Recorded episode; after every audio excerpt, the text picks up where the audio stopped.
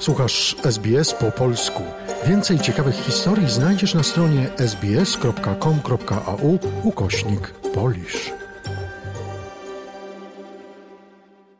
Dzień dobry Państwu. Przed mikrofonem Piotr Pokorski. Zapraszam do wysłuchania najciekawszych informacji sportowych.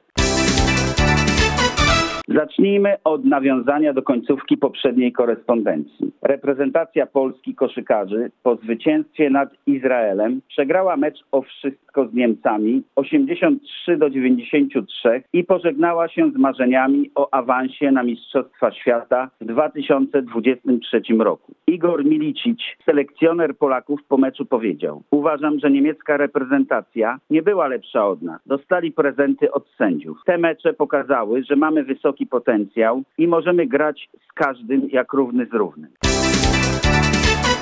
Teraz tenis. Nie gasną kontrowersje dookoła Nika Kyrgiosa. Tym razem jednak to jego przeciwnik, wzbudzający powszechną sympatię, wyglądający jak Achilles, Stefanos Tsitsipas okazał się niegrzecznym chłopcem, gdy umyślnie uderzył piłką w trybuny, a tłumaczył się, że został sprowokowany przez Nika i chciał trafić w niego. Jednak wiele mediów woli krytykować Kyrgiosa, ponieważ jest on postacią wyłamującą się z utartych schematów. Obydwaj tenisiści zostali ukarani grzywnami za swoje zachowanie. Grek musi zapłacić 10 tysięcy, a Australijczyk 4 tysiące dolarów kary. Kontrowersje wzbudziło również zachowanie Rafaela Nadala, który w czasie meczu udzielił reprymendy swojemu włoskiemu przeciwnikowi za to, że tamten, zdaniem Nadala, wydawał w czasie gry zbyt głośne dźwięki. Włoski tenisista tłumaczył później, że wybiło go to z rytmu. Mecz zakończył się zwycięstwem Hiszpana 3 do 0. Następnego dnia nadal bez problemu awansował do ćwierćfinału, wygrywając z Holendrem Zandschulpem. Do ćwierćfinału nie bez problemów awansował również Nick Kyrgios, który zmagając się z kontuzją ramienia pokonał po pięciosetowej batalii Amerykanina Brandona Nakashima. Sztuka ta nie udała się innemu Australijczykowi, Aleksowi Deminaur, który po równie dramatycznej walce przegrał w pięciu setach z jedną z rewelacji turnieju, Chilijczykiem Christianem Garinem.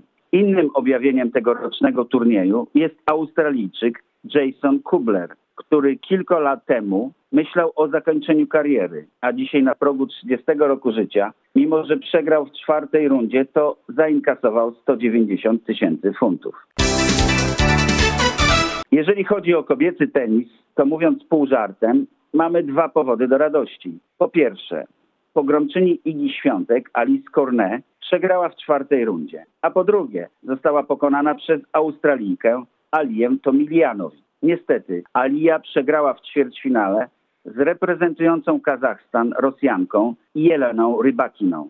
Ale jak to się mówi, spadła z wysokiego konia, bowiem Rybakina po niespodziewanym zwycięstwie nad Simoną Halep awansowała do finału. Drugą finalistką została Tunezyjka Ons Jaber, która w półfinale pokonała największą rewelację tego turnieju, 34-letnią Niemkę polskiego pochodzenia, matkę dwojga dzieci, Tatianę Marinę.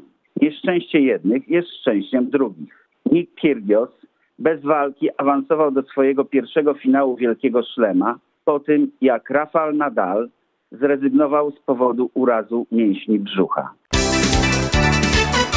W zakończonym finale kobiet, jak podkreślają komentatorzy, Azja przeciwko Afryce, znowu niespodzianka. Wygrała ignorowana zarówno przez media, jak i kibiców rozstawiona o 14 pozycji niżej od przeciwniczki, 23-letnia, pochodząca z Moskwy, reprezentująca Kazachstan, Jelena Rybakina, pokonując w finale 2-1 reprezentującą Tunezję Ons Jaber.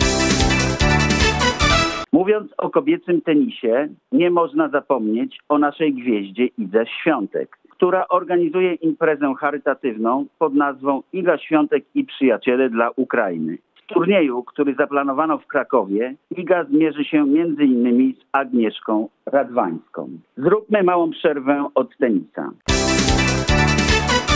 Siatkówka. Wznowiono rozgrywki Ligi Narodów. Polska, pomimo że turniej odbywa się w naszym kraju, w pierwszym meczu zanotowała wpadkę, przegrywając z Iranem 2 do 3. Na szczęście w kolejnym meczu przeciwko Chinom Polacy nie zawiedli, wygrywając gładko 3 do 0. Piłka nożna. Lipiec upływa w europejskim futbolu pod znakiem początkowych eliminacji Ligi Mistrzów i Ligi Konfederacji. Zespoły z Polski jak na razie mają powody do zadowolenia. Lech Poznań pokonał klub z Azerbejdżanu Karabach Agdan 1 do 0. Jeżeli myślą Państwo, że to duży sukces, to muszę wspomnieć, że azerski klub w przeszłości wyeliminował w europejskich pucharach Wisłę Kraków, Piasta Gliwice i Legię Warszawa. Trochę lepiej sytuacja wygląda w innych meczach. Pogoń Szczecin i Lechia Gdańsk pokonały odpowiednio KR Reykjavik z Finlandii i Akademię Pandev z Macedonii Północnej w identycznym stosunku 4 do 1. Kolarstwo. Australijczyk Simon Clark wygrał piąty etap tegorocznego Tour de France. No i wiadomość z ostatniej chwili. O 2.10 rano czasu australijskiego zakończył się mecz finałowy mężczyzn w Wimbledonie pomiędzy dwoma największymi skandalistami w ostatnich latach. Wygrał ten starszy, bardziej doświadczony, Nowak Djokovic. Choć była to jego pierwsza wygrana z Nikiem w trzecim bezpośrednim pojedynku. Nowak po raz siódmy został mistrzem Wimbledonu i odniósł 21 zwycięstwo w finale Wielkiego Szlema. Polecam wszystkim obejrzenie ceremonii zakończenia turnieju, jak pięknie zachował się Nowak Djokovic, dziękując wszystkim, ściskając rękę każdemu, ktokolwiek był w pobliżu. Obiecał Nikowi postawić kolację, a na dodatek to właśnie dzisiaj była jego rocznica ślubu. No i jeszcze na koniec zjadł trawę z głównego kortu. I tą wiadomością kończę dzisiaj korespondencję. Do usłyszenia w następnej. Mówił Piotr Pokorski. Polub nas na Facebooku, udostępnij innym, skomentuj, bądź z nami na polskim Facebooku SBS.